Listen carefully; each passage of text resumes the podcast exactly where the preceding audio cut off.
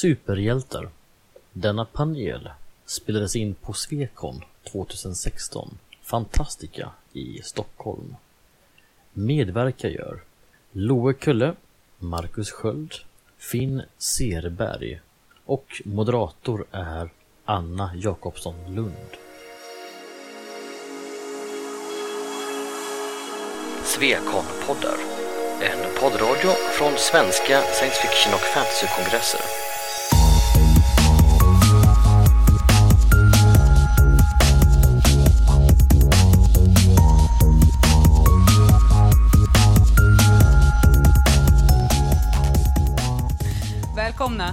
Eh, till den här panelen som kommer handla om superhjältar.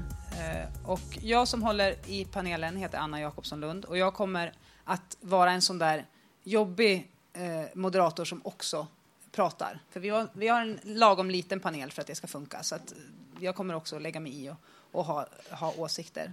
Eh, lite så. Eh, jag tänker att vi ska börja och prata om eh, vi fyra som sitter här har skrivit ett varsitt bidrag i, till den här eh, 13 svarta sagor om superhjältar antologin Och eh, den är ju en, en antologi där vi skriver om superhjältar i en svensk kontext. Och då är frågan, superhjältar har ju funnits lika, på ett vis lika länge som, som fantastiken har funnits. Och varför, varför vi skriver en, en superhjälteantologi idag? Vad är det som är aktuellt med, med superhjältar fortfarande för oss? Eh, så jag tänkte vi skulle göra en, en liten runda. Vi kan börja med, med dig. Eh, ja, jag blev ju naturligtvis väldigt glad att bli tillfrågad att få, att få skriva den här novellen. Eh, sen blev jag lite fundersam just när det gällde superhjältar. Vad har jag, eh, vad kan superhjältar, vad, kan vad kan jag använda för att, att göra superhjälten så att säga metafor för? Och blev först lite fundersam, men sen visade det sig att det var ju väldigt, superhjälten är väldigt användbar när det gäller att, att berätta egentligen vad som helst. Ehm, det är klart att man, har, man skaffar sig kanske en, en bild av eh, möjligtvis Stålmannen eller Captain America eller eh, i mitt fall Fantomen. Ehm, men eh, det, det, kan ju egentligen vara vad som helst och från vilken aspekt som helst. Ehm, fungerar väldigt bra i, i det samhälle vi har idag. Jag tog en historia ifrån ifrån Jemen där en eh, drönar, drönare slog ut en taxibil eh, Eh, med en chaufför och hans kompis i som satt fram. Eh, och eh, så var det två terrorister som satt och fick skjuts av den här taxin. Då. Och det var den historien jag använde mig av när jag skrev min historia. Jag placerade den i, i Sverige då och gav alla personerna, försökte gå igenom så, så svenska namn som möjligt för att det skulle vara som ett svenskt, en svensk händelse i, i någon, i, i någon, någon, slags vardag hos oss. Hur skulle det se ut och, och vart kommer superhjälten in då? Och Eh, hur påverkas vanliga människor eh, om, om man hamnar så att säga i kläm? Ja. Eh, och det funkade tycker jag, tycker jag väldigt bra. När jag läser alla andra så, så känns det naturligtvis eh, väldigt, väldigt naturligt att ha, ha superhjältar även i Sverige. Ja, um Alltså superhjältar har ju som, som Anna sa, det har, ju, det har ju mer eller mindre alltid funnits. Så jag hör ju till en av de här som har vuxit upp med eh, serietidningar och eh, det är eh, ja, Stålmannen och Hulken och eh, ja, X-männen som de hette då när de eh, hade sin egen tidning där under en, en kort period. Eh, så att superhjältar har liksom alltid varit en del av, av eh, mitt liv och min, min vardag kan man väl nästan säga. Eh, men sen så har, har, vi ju sett nu att eh, superhjältar har fått ett rejält uppsving eh, tack vare att det har kommit flera superhjältefilmer på senare tid. Eh, och eh, jag tror att en, en stor del av, av, framgången till dem är att det, det är inte bara häftiga actionfilmer utan det, eh, de har tagit tillvara väldigt mycket av den kanon som finns från ehm, serietidningarna. Så att de som är gamla serietidningsfans och som bryr sig om och eh, tycker att det är viktigt med hur, hur superhjältarnas krafter fungerar och sådana saker har liksom fått sitt lystmäte i med den här senaste vågen av filmer. Det är inte längre som att Spindelmannen skjuter nät via någon toppform av vårtor på armled, armhandleden längre. Ehm, och andra filmer som man skulle kunna nämna. Men det tror jag gör att, att eh, superhjältevärlden har öppnats upp för för allmänheten nu på ett sätt som har gjort att även gamla eh, superhjältefans hittar tillbaka till dem. Eh, och eh, bryr sig om dem. Så att superhjältar är hett just nu, helt enkelt. Mm. Eh, jag tyckte att det var väldigt intressant att jobba med superhjältar som koncept eh, på många sätt. Eh, dels är det något väldigt tidlöst, ehm, som flera varit inne på tidigare, att de har liksom alltid funnits med i västerländsk både populärkultur och mytologi och finkultur. Så att, så att, ehm, och det är ju någonting, samtidigt som parallellt med att de alltid har funnits där och alltid varit närvarande på olika sätt så är det ju eh, ganska tacksamma karaktärer att skildra eh, samtiden ur. Eh, man kan använda de här figurerna som någon slags eh, plattformar för att lyfta fram olika aspekter av samtiden. Eh, och det var också väldigt, väldigt intressant att kontrastera superhjältar eh, som, eh, alltså i modern bemärkelse då, eh, som på många sätt är väldigt, väldigt eh, amerikanska företeelser. Eh, att kontrastera dem mot eh, det vi har här och eh, svensk litteratur och vår litteraturhistoria. Så att i mitt exempel, så, i min novell, så är det ju en, en, en hårdkokt deckare med ganska socialrealistiska förtecken som möter superhjälten. Eller tvärtom kanske man ska säga. Så det tyckte jag var, var intressant. Det fanns, fanns många ingångar och rätt mycket att ta av ändå. Eh, för jag uppfattar att superhjältar många gånger förringas till att vara just eh, figurer i trikåer som eh, ska rädda världen. Och självklart finns det ju ganska mycket sådana superhjältehistorier och har funnits, men det finns ju så oändligt mycket mer man kan visa. Eller man kan välja att berätta genom just superhjältarna. Ja, alltså jag tycker det är, det är intressant att använda superhjältar som medium för att berätta någonting. Det är ju det är så vi, man alltid gör och den, är- den är ju så bilden när man skapar en egen värld så, så bygger man den på, från scratch på något vis medan superhjälten som koncept finns ju redan där och så får man jobba mot det och det är intressant hur ni har gjort det på olika sätt. Eh, jag skriver för ungdomar i vanliga fall eller med ungdomar som huvudpersoner och när jag fick frågan att vara med så, så kom det upp, ja men en, jag vill skriva om en folkhögskola för, för ungdomar med speciella, eh, speciella förmågor i vinden. Så. Det, för det är ju fint. Och vart kommer idéerna ifrån? Ja, vinden, en folkhögskola. Det kändes jättebra. Det blir X-Men i, i Västerbotten. Eh, och sen skulle jag liksom komma på själva historien och det var inte alls lika lätt. Det var vinter och jag skottade snö, jag skottade snö, jag skottade snö, för då tänker man bra.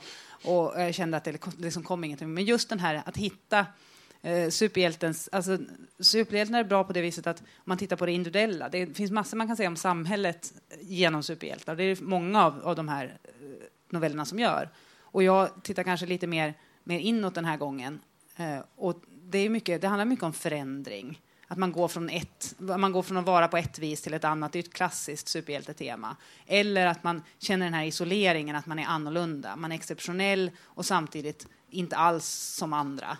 Eh, och jag, i det där så hittade jag en historia som, som en, Jag, jag har tidigare skrivit ganska mycket om, om samhälle. Och då var det intressant att få skriva något som handlar väldigt mycket om människan. Och superhjälten är ju på det viset väldigt bra att man kan både titta väldigt mycket inåt och utåt. Så det, det känns spännande.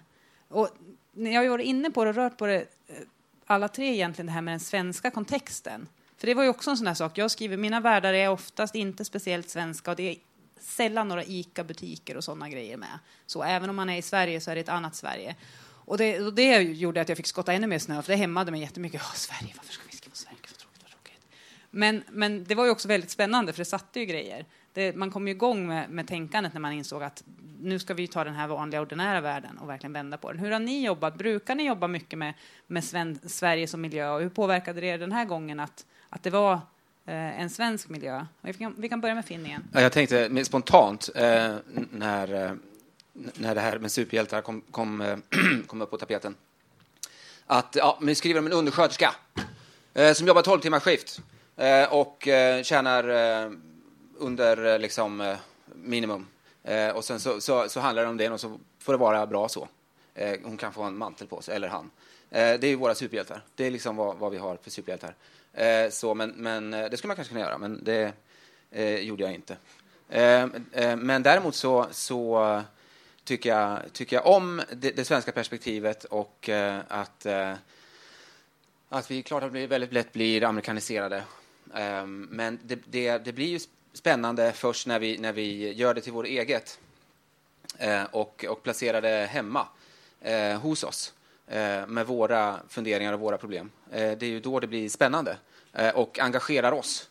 Eh, och och eh, eh det är ju egentligen, tycker jag, våra, del av vår uppgift. Ja, nej, jag har inte några större problem att, att skriva eh, om eh, ja, verkligheten, om man säger så. Jag skriver skräck i vanliga fall. Eh, och även om jag har skrivit några science fiction-noveller eh, så det mesta jag skriver är ju placerat i någon form av verklighet, även om jag oftast eh, skruvar till den. Till exempel, jag har, min senaste roman som kommer ut i augusti eh, handlar om en liten bruksort i Gästrikland som är, kallas för Gränshammar, men egentligen bara är väldigt tunn förklädnad för min egen uppväxtort, Hofors. Och, eh, så att, ja, nej, jag har inte haft några större problem egentligen att, att skriva i den kontexten. Det som däremot var svårt, det är att ta... För i alla fall när jag skriver skräck, så då handlar det oftast om att vi har samhället så som det ser ut och att alla förväntar sig att det ska vara precis på det sättet. Men man har någonting mystiskt som kryper i skuggorna, någonting som väldigt få eller ingen känner till, åtminstone inte i början. Men att ta den då eh, förändringen att helt plötsligt introducera att nej, men nu finns det här fantastiska konceptet. Nu finns det helt plötsligt superhjältar i vardagen. Tvingade mig lite grann till att, att verkligen tänka på det här med hur, hur skulle samhället se ut om det vore så att det fanns superhjältar på riktigt. Eh, och eh, jag, gick igenom många stadier av fundering. Hur, hur, skulle, hur skulle människor i gemen ta emot dem? Skulle det vara det här Muties Go Home från X-Men, liksom den här misstänksamheten och fruktan mot eh, saker som är annorlunda och dessutom annorlunda på ett väldigt kraftfullt sätt, potentiellt farligt sätt? Eller skulle det bli mer eh, en ja, Avengers fantastiska fyran, liksom, där vi är eh, de här eh, hyllade, någon slags Zlatan-dyrkan över de här superhjältarna som kommer in och räddar världen hela tiden. Och att det största problemet de har egentligen, är, förutom att de kan åka på däng naturligtvis, är ju att eh, den dagen de inte dyker upp för att rädda världen, det är då som de får skit för det. Eh, och jag, jag, skulle ha kunnat gått åt båda hållen egentligen, men jag, jag valde eh, i min novell eh, så valde jag att eh, porträttera en eh, superhjältegrupp som då är Sveriges främsta superhjältar. Eh, och eh, det handlar egentligen om en, en kille som har eh, han är mager, han har varit mobbad, han har allergier, han har astma, han har IBS. Men han har förmågan att kunna lämna sin egen kropp. Eh, och det har gjort att han har fått en, en, en plats i den här superhjältengruppen. De har rekryterat honom helt enkelt för att de behöver en spejare, en spanare som de kan skicka in överallt och ta reda på information och se vad som kommer framför och sådär. Men eh, som sagt, just, just den här eh, den delen av världsbygget, liksom att, att resonera kring vad, vad skulle faktiskt hända i den här verkligheten, då, om man säger så. Det är det som jag tyckte var svårast egentligen. Eh, jag har skrivit ganska mycket i Sverige, eh, som, eller haft Sverige som miljö i mina tidigare eh, böcker och noveller och sådär. Samtidigt som jag rör mig in i skräddarsydda, egenpåhittade världar. Så att säga. Men här tyckte jag att det var en del av utmaningen och charmen med det här projektet var just den svenska, svenska vinkeln. Och som sagt, jag ser ju superhjälten eh, som, som, i mångt och mycket ett ganska amerikanskt fenomen eh, och att arbeta med, med det var, var väldigt kul därför att ehm, eh, jag tänker mig att det har att göra med den här eh, synen på kollektiv visavi individ, så att säga ehm, att man har en helt annan syn på individens ansvar ansvar, individuell frihet i just eh, i USA eh, än vad man har i Sverige, i alla fall har haft historiskt. Ehm, och att, att eh, så, så att jag eh, och det, det, fick mig att börja undra lite så vad är, eh, vad är egentligen heroism? Vad är det, ehm, vem är egentligen en hjälte? Kan, man, kan man uträtta hjältedåd själv eh, som enskild individ eller lutar man sig alltid, måste man alltid ha en, ett kollektiv i ryggen? Eh, här i Sverige känns det som att vi ofta resonerar på det sättet att Eh, det, det, är kollektiva insatser vi pratar om när vi ska rädda så att säga, eh, utsatta grupper. Eh, och framförallt när man pratar om brott ju, som hela tiden är ett centralt element i superhjältehistorien så känns det som att vi i Sverige oftare ofta har haft diskurser som handlat om strukturella förklaringar till varför man begår brott. Medan i amerikanska sammanhang kanske man oftare förklarar det med att eh, tillkortakommanden hos de enskilda individerna. Eh, och eh, det där var väldigt, väldigt, eh, väldigt, väldigt spännande tycker jag. Eh, för samtidigt så känns det som att debattklimatet och kulturen i Sverige har skiftat ganska mycket, att vi befinner oss i någon mening i en brytpunkt. Eh, du tog upp Zlatan som ett exempel. Eh, och hela narrativet kring honom och hans livshistoria, det är ju i princip den amerikanska drömmen som har liksom importerats då, fast förlagt till Rosengård. Och att vi har en sån, eh, så, sån stor profil idag, det, det vittnar ganska mycket om just Sverige. Eh, alltså, i, i nutid. Och det är väl knappast någon slump att den här antologin kommer ut 2016 och inte 1976 eller något sånt där. Eh, det säger kanske också någonting om eh, Sverige av idag. Eh, så, så det temat tyckte jag var väldigt tacksamt när man eh, förlade en amerikansk, eh, ett amerikanskt fenomen i en svensk kontext. Ja, Love är också inne på det här med ansvar det, är, det är ett spännande... När Man jobbar med, just med superhjältar så är det en, en fråga som, som man går väldigt mycket fram och tillbaka med. Vad, vad kommer det här, den här kraften med för, för bagage? Vilken typ av, av ansvar får man om man, har, Eh, om man har exceptionella krafter? Måste man använda det för gott? Eh, kan man använda det för egna syften?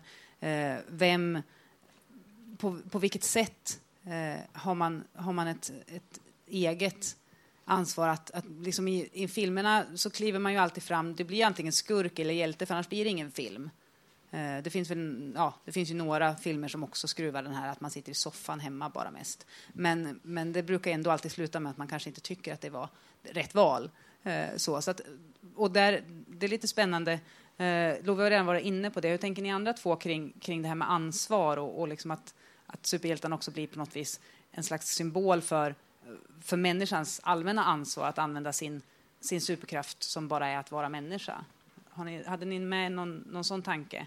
Tänker Marcus speciellt, han, du har ju liksom en, en rätt ovillig hjälte i din.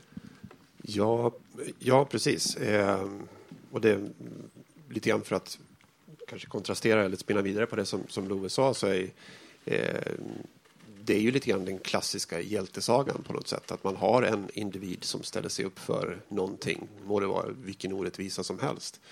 Och eh, i, min, min novell innehåller som sagt en, en, person som är en högst motvillig hjälte men som, eh, ja, eh, det skulle inte vara en superhjältehistoria om man inte faktiskt försöker göra någonting i alla fall. Men eh, det är väl egentligen det som, som definierar en hjälte tror jag. Och jag tror att, att eh, jag vet inte riktigt hur en, en superhjältehistoria som drivs som, en, en eh, som ett kollektiv skulle fungera. Eh, för jag har aldrig sett det någon gång. Det kanske skulle vara intressant att se. Men eh, den här individuella aspekten, det är, det är väl kanske det som definierar superhjälten. Att det handlar inte så mycket om vad man har för krafter och så vidare. Utan det handlar om att eh, faktiskt göra hjältedåd, att ställa sig upp för för saker och ting. Eh, och eh, sen så underlättar det naturligtvis. Om man tänker ge sig ut mitt i natten för, för att eh, spöa brottslingar så underlättar det ju om man liksom har någon form av eh, färdighet eller en förmåga som, gör, som möjliggör att man faktiskt kan göra det. Men eh, det behöver inte vara så. Det kan ju vara andra typer av, av krafter man har som kan påverka eh, det man gör. Vi pratade om eh, om man behöver krafter överhuvudtaget eller om det räcker med bara en vanlig människa. Eh, Fantomen, eh, Batman. Ehm, vi pratade om... Iron Man. Eh, förlåt? Iron Man. Precis. Eh, och vad det är som då definierar eh, superhjälteförmågan. Ehm, är det en, en exceptionell människa? Ehm, eller är det förmågorna då? när vi träffades lite tidigare så nämnde vi, vi pratade om eh, personen på Himmelska fridens torg Eh, och eh, dess, den, den, personens eh, eventuella superhjälte, Eh, om man skulle kunna betrakta det som en superhjältesituation. Ehm, eh, och, eh, och det skulle man väl kanske kunna göra. Men Men, men att, att kanske att, för att vara en superhjälte kanske man måste eh, återupprepa eh, eh, det ett par gånger innan man så att säga kan, kan definieras som en, som en, som en superhjälte. Ja, och eh, att ha modet att ställa sig upp ensamma och att stå upp för någonting tror jag också är en viktig aspekt av det. Eh, sen så kan det ju vara hjältemodigt, som, man kan vara hjältemodig i grupp naturligtvis, eh, att göra saker, men, men det krävs ändå ett extra mod för att, för att ställa sig framför den där eh, stridsvagnen. Och på ett vis kan man tänka sig att, att en, en superhjälte ibland kan representera våran ovilja att ta tag i saker. Att, att vi med våra vanliga mänskliga förmågor inte gör för att vi kan inte eller vi det inte eller så var det, det var något på tv, lite så. Medan en, en superhjälte som har en, en riktigt stark kraft eh, behöver ju nästan alltid för att det ska bli dramatik också ha det måste finnas eh, kryptonit någonstans, det måste finnas någon slags svaghet för att, för att till slut så blir den personen inte egentligen inte alls modig och inte egentligen alls mänsklig för att, för att man, kraften kan vara så stor. Då är det mycket mer intressant att jobba med män. Alltså alla våra superhjältar på något vis och det är lite intressant nästan alla i, i hela det är kanske någon enstaka som liksom blir väldigt mycket en, en sån super superhjälte. Men, men då, kommer, då händer det andra saker. Men just att de är väldigt mycket människor på gränsen. Människor på gränsen mot galenskap, människor på gränsen mot superhjälte liksom, man har sin kraft, man jobbar med sin kraft, men, men på vilket sätt och vad är, vad är liksom, vart slutar människan och vart börjar kraften? Skulle jag klara att göra det här även om jag inte hade haft min kraft? För att jag gör saker som ingen annan människa gör? Eller kan alla andra människor strunta i att göra saker bara för att nu har vi de här superhjältarna? Och det, det tycker jag är en intressant fråga just vad, på vilket sätt använder man när man skriver då en sån här historia, hur använder man superhjälten? Får det vara en, en frifräsare? Får det vara en, en någon som gör saker på egen hand, någon slags vigilante eller någon, någon sån karaktär? Eller är det, blir man samhällets egendom för att man har de här krafterna? Och, och, hur jobbar ni med, med de frågorna? Det är ju lite olika hur ni har, Där är ju, till exempel Finn har jobbat ganska mycket med den frågan. Um, ja, jag, eh, från början tänkte jag att, att det skulle vara någon som, som hamnar i klistret på grund av en superhjälte. Uh, som, som kanske, superhjälten lyfter en bil och så lossnar en en, eh, en navkapsel som, som den här personen fick i huvudet och sen så handlar det om den här människan som... Eh, för, för man ser hela tiden att, att det är så bra att vara superhjälte och att det är positivt. Men, men just om de här andra vanliga filurerna som, som hamnar i kläm, eh, att, att, det, att, det, att det finns en baksida också med det här med, med superhjältar, att de kan, de kan ställa till det och vara i vägen och, och det kör ihop sig. Och, och alla bara älskar de här superhjältarna, de är så fantastiska och otroliga, men så var det någon som fick någonting på foten så att, och så får inte ut på försäkringen för att det, det var någon, ja, det är ett Facebook-drev mot ja, den här. Ja, super, precis. Precis, men håll käften. Fattar du hur många människor han räddade? Ja, fast min tå kommer aldrig att se sig lik ut. Um, uh, ja. Du är lite inne på, tänker jag, i din novell också, alltså det här med makten. Ja. Alltså att man, man då, man får, med, med det här så kommer ju möjligheten att göra saker. Precis. Och, och, vem äger den möjligheten och kan, I, vem tar i, över? Och, ja. Precis. I, i min eh, historia så, så finns det ett departement för hjältedåd eh, som, eh, som eh, lite grann råder över, över hjältarna som har förmåga att se mellan sina fingrar, det bildas ett ljus, det blir en väldig energi, de bränner bort en massa elände. Eh, som kan vara praktiskt ibland. Ehm, men, men ehm, och att, att det är statligt eh, organiserat helt enkelt. Eh, men att det visar sig att, att det kanske inte är eh, att det onda och det goda, det flyter liksom ihop. Och ja, frågan är, ska, ska, det, vara, ska det vara så? ja, att, att det blir en, en jämvikt. Du har det här extremt onda och så har du det här extremt goda som blir, som, som då när det blir extremt gott slår över och så blir det kanske, det blir ett mischmasch. Vad är det som är ont och gott egentligen? Och så är det de vanliga människorna i, i mitten eh, som, som i alla fall är tvungna att och försöka leva i det här kaoset av de, de, här här borta som är förskräckliga och de här andra här borta som visar sig också vara förskräckliga. Det liksom, eh, att det, ja, sen så blir det någon slags jämvikt. Inte riktigt, men ja. Ja, nej, det, är, det är lite grann som, som har diskuterats på flera paneler här med, med dystopi och utopi. Att eh, om man har ett, ett departement för hjältar som jag eller för hjältedåd. Mm, som jag för övrigt tycker låter jätteläskigt. Men eh, det är det här, vem bestämmer vad som är gott och vad som är ont? det är en, en svår problematik att lösa egentligen. Och, eh, jag skulle säga, apropå det här med om superhjälten har en, en skyldighet att rädda världen. Eh, alltså det, det, är en svår fråga. Det är, dels så, så, tror jag att man får sitt superhjältekort indraget om man inte åtminstone försöker göra någonting. Men eh, samtidigt så betyder ju inte det att ja, men, du Stålmannen som är så snabb, du kan väl klippa min gräsmatta eller bara bränna av den med din, din, din eh, värmeblick här så, så behöver inte jag göra det för du är så mycket bättre på det än vad jag är. Eh, den starka har kanske inte alltid en skyldighet att eh, göra allting bara för att han kan. Love? Eh, nej, det, ju, det, måste ju alltid finnas en svaghet såklart. Superhjältar som är för super blir ju inte roliga. De är ju inte intressanta att läsa om. Eh, Stålmannen. Exakt, jag skulle precis säga det. Det är det som kritiken mot Stålmannen under alla år alltid, eller ofta har gått ut på, att det är en sån överdrivet det, det är en gud, liksom. det, är ingen, det är ingen hjälte, det är någonting mer. Det, är, det så tråkigt, för det finns inget att... Eh, ja, man kan inte, det finns ingen eh, baksida, så att säga, man kan identifiera sig med.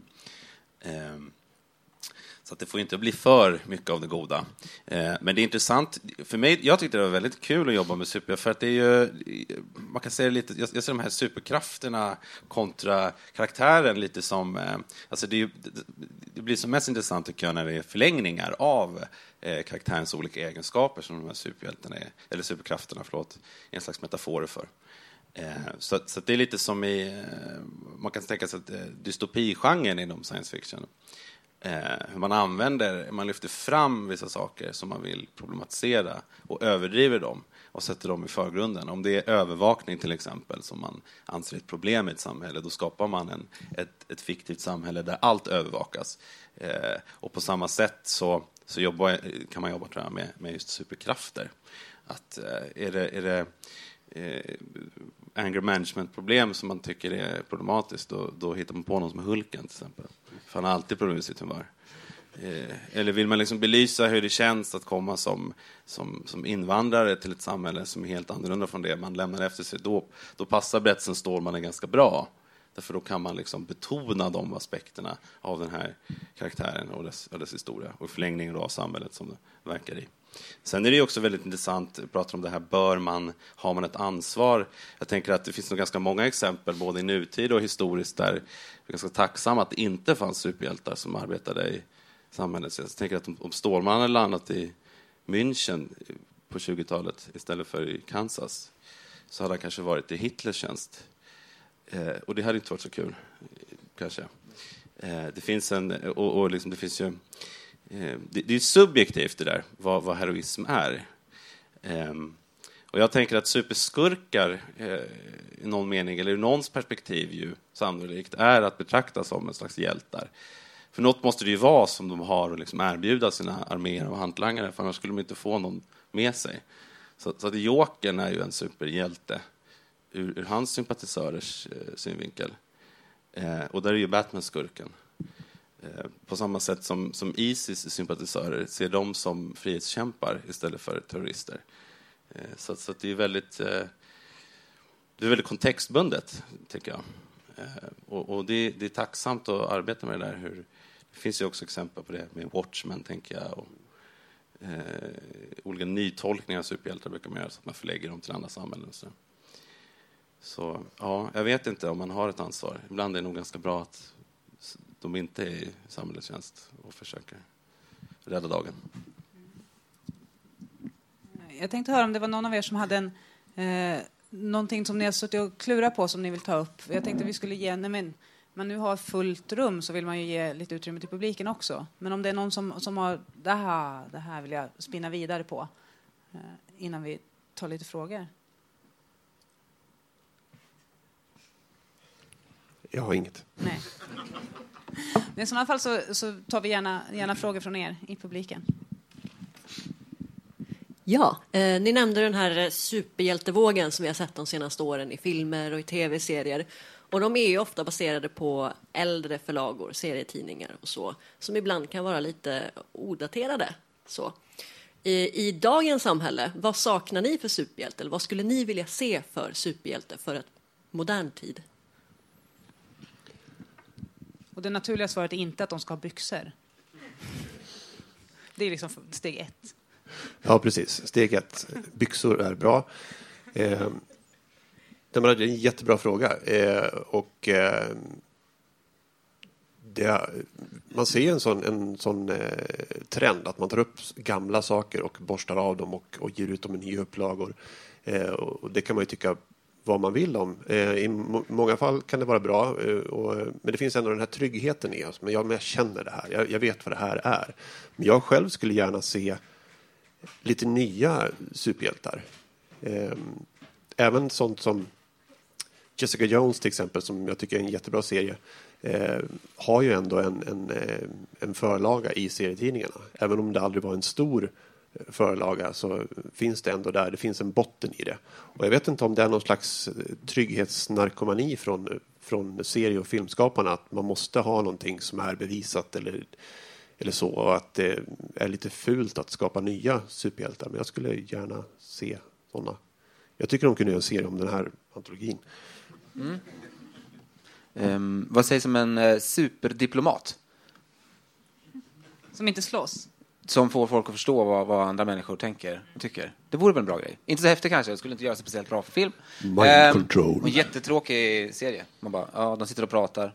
Och så är det en kille som får alla att fatta allting hela tiden. Ja, det nej. Um, men mer, mera, mera eh, någon som skapar empati uh, hos människor som behöver det. Ja. Men jag tänker lite grann att, att historien och samhället går ju lite vågor och superhjältar är ju en när de inte drar in pengar till sina pappor och mammor eh, för att alla vill gå och se senaste alltså superhjältefilmen så är det ju en, en samhällskommenterande liksom, genre i väldigt hög grad. Och jag tänker att allt går i vågor. Och nu är vi inne i en orolig tid igen så att då, såklart så plockar man upp, det är, det är tacksamt att plocka upp sånt som kommer från en orolig tid förr. Men den oroliga tiden idag ser ju absolut inte ut så. Det, till exempel hade det varit intressant, nu är jag late adopter så att teknik känns fortfarande som, som nytt för mig fast jag är alldeles för ung för att vara så här late adopter, men det är så. Att liksom, man jobbar jättemycket med fysiska superhjältar men, men liksom väldigt mycket handlar ju om idag att vi är, käns vi har käns vi är känsliga på andra ställen. Vi är inte bara känsliga i kroppen utan liksom superhjältar som kan jobba mer med, med det virtuella hade varit lite intressant. Eh, och även att man ser på samhället på ett litet, litet annat sätt. Att man vänder det lite till det här fräschare. Ja, vi befinner oss mitt uppe i ett samhälle som, som skulle passa väldigt bra för en, för en superhjälte. Eh, där vi är extremt, eh, extremt sårbara. Där hela, där hela samhället bara står och tippar på en knivsudd. Och, och vi glider omkring som, som ingenting eh, skulle, eventuellt skulle kunna hända. Men jag menar, imorgon skulle det... Nu är det risk för att jag drar igång, men eh, liksom, eh, eh, bilen slutar gå och vi har ingen mat. Och så var det bra med det. Och sen så Ja, vi får börja odla potatis. Potato man. Eh, jag skulle gärna, eh, jag skulle gärna vilja se eh, superhjältar som förläggs till, till icke-typiska situationer och sammanhang. Socialrealistiska superhjälteberättelser, andra genrer, kanske lite mer nedtonade, alltså deckargåtor tror jag skulle kunna passa ganska bra. Eh, ja, vad som helst egentligen. Eh, och, och till samhällen där man inte vanligtvis har sett superhjältar tidigare. Eh, för att återknyta till det här projektet så är det just det som gör det så kul. Att det är Sverige och att det är så ovanligt här. Men vad händer om man förlägger en superhjälte till Mellanöstern till exempel, eller till Kina? Vad händer om man har en superhjälte som kommer från någon, någon historiskt sett exploaterad grupp av urinvånare i Latinamerika? Liksom? Och hur påverkar det den gruppens ställning och sådär? Eh, så att, man vidgar vyerna rent globalt skulle vara väldigt eh, kul, tycker jag. Och där kommer jag att tänka på en annan eh, lite intressant sak och det är att eh, det här hur man definierar en superhjälte. För att precis det som du nämner, vi, vi har ju sett serier nu med, med deckare som har vissa psykiska krafter och, och löser brott och vi har andra serier där man kan se de döda och så vidare. Väldigt, eh, skulle man kunna klassa in som lågmälda mentala krafter men det, det är ändå inte superhjältar. Av någon anledning. Jag vet faktiskt inte varför. Ja, för kraft, superkrafter är ju intressant, men superhjältar och superkrafter är ju inte... Bara för att man har en superkraft är man inte superhjälte. Och det, det är spännande att liksom vidga begreppen om man skulle tänka sig att superhjältar får liksom ta nya former. För just den här trikå och mantel, den biten, det är ju inte det som definierar. Men på något vis så är det liksom superkrafterna inte heller det som definierar. Så det, det är spännande att se liksom vad, vad det skulle vara om man liksom öppnade för för superhjältar på... Jag, jag lyckas ju nästan alltid skriva superkrafter på, på mina alldeles ordinära inte-superhjältar i alla böcker, för det, det är så spännande. Eh, men, men liksom, då, vi är ju lite öppna också nu. Nu blir det lite så här, man, man kan, då kan det vara magi, det kan vara urban fantasy, det kan vara som du säger, helt vanliga, det man kanske inte ens kallar för fantastik. Folk som, som ser, ser spöken och det är bara helt vanligt, en vanlig deckare. Så det är jättespännande att det kan liksom gå ihop med varandra. Hade vi några fler frågor? Varför är det oftast killar som är hjältar och inte tjejer? Mycket bra fråga. Vi vill också se fler tjejhjältar. Jag försökte skriva in, för- just för sen, sen så blir det lätt att det blir åt andra hållet, att man ska korrigera och sen så blir det, och så, satt, så sitter man där, vem ska vara kille, vem ska vara tjej och ska jag säga vem det är som är tjej eller ska jag bara strunta i det, ska jag skriva hen eller ska jag skriva, vad ska jag skriva? Och så blir det en jättegrej och så börjar man gå tillbaks och redigera eh, och, och byta namn och ändra. Och, men jag gjorde sköterskan i alla fall till en kille och så gjorde jag mina superhjältar till en tjej och en kille, eh, lite yngre också, och, och, som åkte runt i, i så här mörka regnrockar. Eh, och, eh, och, och även, även de som kom från departementet, de blev också en kille och en tjej för att det skulle vara... Och, och, och de var lite äldre, de var nästan de var i pensionärsåldern kan man säga. För det Ja. finns nästan inga gamla superhjältar. Nej, precis. Det hade ju varit någonting. Någon som går runt med en rullator och liksom... Eh, och, och, och strålar. Ja. Hur gammal är Batman egentligen? Han borde Ja. vara 60 plus. Hålls i Ta tvättstugan inte upp det och med honom, alltså. äter allt ludd. Ja, men det, ja. Men alltså, överhuvudtaget tror jag, tror jag det att, att den här nya vågen riskerar ju som, som allting som, som kommer i en våg med, med den här, nu, gör vi, nu har vi hittat på en, en, den här den här personen som alltid går och ser alla filmer som vi har hittat på, som bara tycker om saker som är exakt i den här smala. Att det måste vara, de måste vara män, de måste vara väldigt bredaxlade om de är män. Extremt, extremt bredaxlade, så man måste photoshoppa allting för att de ska vara så extremt bredaxlade. Och är de kvinnor så får de inte ha byxor. Och det är påhitt, för det är ingen som... Jag, jag vet inte, jag har pratat tillräckligt mycket med folk för att se. Jag har inte träffat någon som tycker att det där är det är därför man går och ser den här filmen. Så jag tror att, men, men när den vågen kommer så finns det en risk att saker blir att det blir smalt igen. Att man inte reflekterar över att de är, många förlagor är från 30-talet och att många, de här ja men, eh, tjejerna som är med, de bara skriker medan de faller.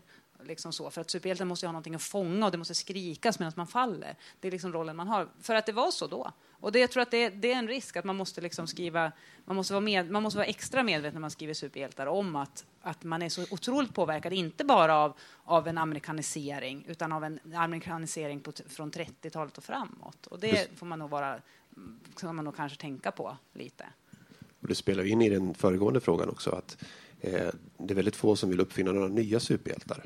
Och eftersom det inte finns så, så många kvinnliga superhjältar historiskt sett så blir det lätt så att det blir så. Men så jag har ju Jessica Jones som jag nämnde.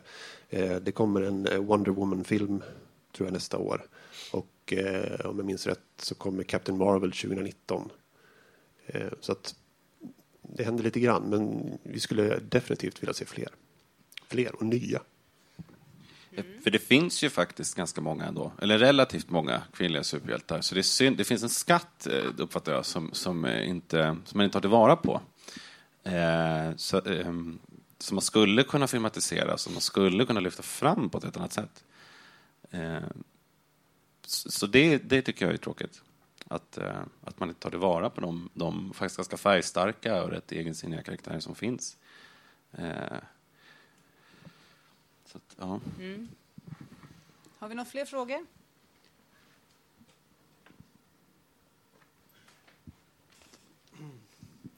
Yes, I, I was wondering. Um, I, I speak English, but I understand Swedish. Uh, I was wondering uh, how you handle um the fact that superheroes uh, are, are very visual in uh, movies and comics. You can, they have costumes on, and you can they uh, break down buildings and big explosions and all that. Uh, How do you handle that when when uh, when you write it uh, in a book? Actionscener och, och det visuella i noveller, det är jättespännande. Min, min novell börjar med, Eh, den börjar med att, eh, att de är, det är två, två huvudpersoner, en tjej och en kille. Och tjejen, de ligger i sängen på, på folkhögskolan. Det är, lite, det är varmt, det är vår, de har fönstret öppet. Eh, De ligger och röker för att de har precis gjort det tjejer och killar ibland gör på folkhögskolor. Och tjejen säger, men vad ska du heta då? Ja, men, ja, nej, inget. Hon sitter och föreslår namn till den här huvudkaraktären. Liksom, du, måste, du kan ju heta Mr Mind eller Mendoza. Han blir bara surare och surare för han vill inte ta något namn, det är bara fånigt. Eh, och det är lite så, liksom, du har ju också en, en karaktär som, där namnen liksom också är lite så här, lite, de har inte satt sig riktigt än. Nej, precis. Och jag funderar lite grann också på det med, för, för superhjältarna i min novell har engelska namn. De har tagit engelska eh, ja, superhjältenamn helt enkelt. Eh, och, för jag försökte på svenska och det, det, det kändes bara löjligt i mitt huvud. Eh, och så tänkte jag på det, men vi, det är så vi gör med, med, vi har produkter som har engelskklingande namn som vi använder dagligen. Vi har Spotify, vi har Netflix. Liksom det, eh, vi använder det i vår vardag, i vilket fall som helst, så att vi är så pass anglifierade i den, den bemärkelsen. Och så tänkte jag också att men superhjältekostymer det är bara larvigt, de kan inte ha superhjältekostymer. Men sen så tänkte jag att de här är en grupp och de, har, de åker ut på uppdrag. Och så förmodligen så kommer de att ha någon typ av praktisk klädsel åtminstone. Inte spandex, eh, men enkla, typ friluftskläder skulle jag tänka mig. Skulle kunna funka ganska bra. Fjällräven. Fjällräven, absolut. Eh, Jag eh, gjorde en, en, en fuling och, och undvek helt enkelt hela det dilemmat. För att i min novell så är själva superhjälten bara med jättekort. Eh, Eftersom huvudpersonen i min novell är en sån här hantlangare till en superskurk. Så att eh, jag smög diskret runt hela den problematiken med det visuella i text. Men du har rätt bra actionscen ändå tycker jag. Liksom Tack. Så. Men man, man får ju skriva in actionscener och det, det är ju de blir inte lika långa som actionscenerna i, superhjältefilmer och det är faktiskt ganska bra kan jag tycka. Men, men de, som tar finnas. 30 minuter att läsa. Ja, men precis. De måste finnas där. Man ser dem ofta på håll, eh, explosionerna. Eh, att de är på avstånd och det är mycket färg och det är mycket det rasar och det yr och människor springer därifrån. Eh, och I min historia så, så sitter de i en bil och personen, huvudpersonen sitter bredvid de här människorna som smälts ner och det luktar illa ifrån sätena, de här obehagliga kemikalierna som går upp i rök och eh, att, att befinna sig mitt i det istället. Um, som, som skapar, där, där det kanske finns lite mer att ge än att, än att ge ett perspektiv. Um, uh, en perspektiv, uh, ja, att se det på avstånd helt enkelt. Mm. Och jag har ju valt att ha... uh, det finns blandade... Det är ju liksom det här X-Men-tanken. Jag, är- jag, jag gillar det här att det finns... Jag är väl så typisk svensk gruppmänniska. Jag gillar gruppen, jag gillar dynamiken i gruppen och jag gillar att det finns olika typer av, av vad ska man säga, fysiska och mentala förmågor. Och, och det, på film så är det ju liksom att kunna fixa med vädret är mycket häftigare. För det kan man ju verkligen göra numera. Det blir ju väldigt bra. Medan de här som har mentala krafter blir ju alltid lite mesigare för att det är så svårt att filmatisera. Och där kan jag tycka att, att där har jag, eh, jag har en, en, en karaktär som flyger och det är liksom en stor grej för det har man inte kunnat gjort förut eller det var länge sen. Eh, och sen har jag en karaktär som har en, eh, och det är min huvudkaraktär som har en mental kraft. Och då, då kan ju liksom den få vara han tycker inte att den är speciellt cool. Men vi som läsare kan ju få en annan. Det är, det är samma sak där, att man går in på insidan på ett sätt som man inte kan. Så att man kan liksom ge de mentala superkrafterna en upprättelse. Och sen får man så, som sagt försöka skriva en, en, en scen. Men det är väl på ett vis bra att vi kan vara, man, man kan vara lite mer nedtonad. Men det finns ju noveller i den här samlingen som också är ganska, den som, som Oskar Källner har skrivit, den har ju en jättelång scen. Alltså den handlar om, det är två parallella historier och den, den ena historien är en enda lång stridsscen. Och det, det funkar faktiskt också. Har vi någon fler fråga? Är det någon som har någonting? Jag tror det kanske... Vi har inte så mycket tid, men vi hinner nog en till om det är någon som funderar på någonting. Där uppe.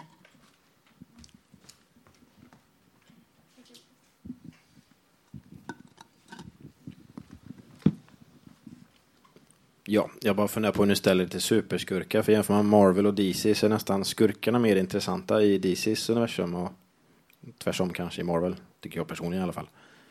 Eh, har ni fokuserat mer på hjältebiten bara eller måste man ha en stark skurk också som, som kuliss? Ja, jag har ju svårt för skurkar överlag. Jag, skurkar är så svårt, så någon annan får svara på frågan tror jag. Ja, Jag körde racet att bägge är, är eh, skurkar, ehm, som det blev. Ehm, Båda sidorna alltså. både det onda och det goda visar sig vara relativt ont. Jag har inte heller någon, någon superskurk med i min novell. Det är mer monster, typ. Dina, dina är ju liksom intressanta som då dyker där, där liksom, de dyker upp, upp liksom, det finns inte det här ha sitta någonstans och planera att ta världen utan det är liksom lite mer slumpmässigt och lite mer liksom, kopplat till att man ska, på något vis skapar sin egen, skapar sin egen skurk. Och det, det är också ett intressant så har man ju också jobbat med superhjältar, att det liksom på något vis är baksidan och skuggsidan och det mörka djupet under till som liksom man, man på något vis kan se i din, i din novell. Så det är också spännande att det inte behöver vara en, en skarp skurk. Det är också kul med intellektuella och, och liksom smarta skurkar, men det kan också vara någonting som är väldigt mer Liksom, man kan känna igen sig hur det kan komma ur det när man blir riktigt, riktigt förbannad. Så kommer det här monstret och bara liksom tar över munnen. Och det är lite så i den kan jag tycka. Ja. Eh, men det, det finns superskurkar. Till exempel, för att nämna Oskar Källners novell igen, så har vi en riktig superskurk där. Eh, I min novell så är, det ju, är ju superskurken hjälten. Eh, för att det har ju gjorts, alltså det, är, det är relativt vanlig, eh, vad ska man säga, ingång, det, infallsvinkel att, att eh, superantihjälten, så att säga, alltså hjälten som skurk. Eh, Om man tar till exempel The Punisher som bara går runt och skjuter folk. Eh, Som, som skulle vara liksom någon slags ja, Breivik-liknande person om det fanns på riktigt. Eh, Så, så det, det, det känns lite gjort. Så jag försökte, personligen så försökte jag göra, vad händer om man tar skurken som hjälte då istället? Och då är man just inne på det här med att det är något subjektivt vad heroism och hjälte då innebär. Men eh, sen så måste jag säga att jag tycker oftast att skurkarna ju är mer färgstarka än vad kanske hjältarna är. Eh, Och din att, hjälte är ju inte snäll heller. Nej, men det är ju en perspektivfråga. så att, Det kanske är det för en uppföljare till Johnny där. Ja, vi får se. 13 svarta sagor om superskurkar. Ja, precis. Med IBS också, det är extra ondskefulla skurkar som har, de har astma, de har IBS, de har varit mobbade i skolan, så att de blir riktigt, riktigt ondskefulla. För att de är inte bara, de är inte bara ondskefulla, utan livet går hårt åt dem. Det hade varit spännande faktiskt. För jag har ju svårt för superskurkar för att de är, jag tycker att de lätt blir lite, lite en dimensionella, men det är ju samma sak med superhjältar, så därför skriver jag inga superhjältar i vanliga fall heller. Och, och där, där i mitt fall så kanske det mer handlar om, han är så ung, min, min hjälte, så att han har inte riktigt liksom, han är fortfarande på träning och det finns både skurkar och, eller, det är också det här, det finns rebeller, skulle nog de säga att de var. Och sen finns det, finns det staten och, och han står där liksom i, att det ska, man ska ju bekämpa ondskan, men, men kommer han att klara det? Och sen får man några twistar på det då. Så att det, det finns ju skurkar där, men de som sagt är inte, ja, de är, det är lättare om de får vara lite mer mänskliga. Ehm, jag växte upp i, i kyrklig miljö, Pingstkyrkan. Och, eh, och då var det under många år väldigt tydligt vad som var ont och vad som var gott. Här borta var det där onda och här borta var det där goda. Det där onda det var så jätteont och det här goda det var bara, bara gott. Eh, och sen så tog det några år innan man upptäckte att eh, det, var, det var kanske inte riktigt så enkelt. Och, och ingenting är bara ont och ingenting är bara gott. Det är, liksom, det är egentligen en grå massa alltihopa. Det, det är både och, allting. Sen är det väl också lite apropå det vi pratade om förut, att, att, att superskurkarna tenderar att bli lite för super. Eh, och då behöver man en, en skurk som någonstans kan mäta sig med den här eh, otroligt eh, liksom, överdrivna protagonisten. För det blir ju inget kul om Sherlock Holmes kommer in i ett rum och bara löser alla brott. Man måste ju ha en Moriarty där liksom. På samma sätt som Jokern måste utmana Batman och Lex Luthor måste matcha Stålmannen i något avseende i alla fall. Eh, Så att, eh, jag skulle nog säga att eh, en superhjälte är inte bättre än sin, sina skurkar. Eller vad ska. Precis. Och det kanske får vara, vara avslutningen, för jag tror vi har, vi har gått i mål tidsmässigt. Så tack så hemskt mycket för att ni ville komma och titta.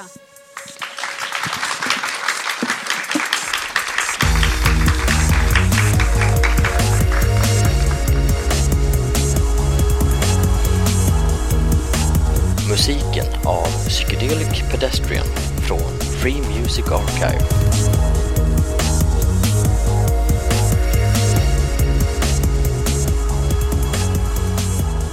Besök gärna vår hemsida på svekonpoddar.se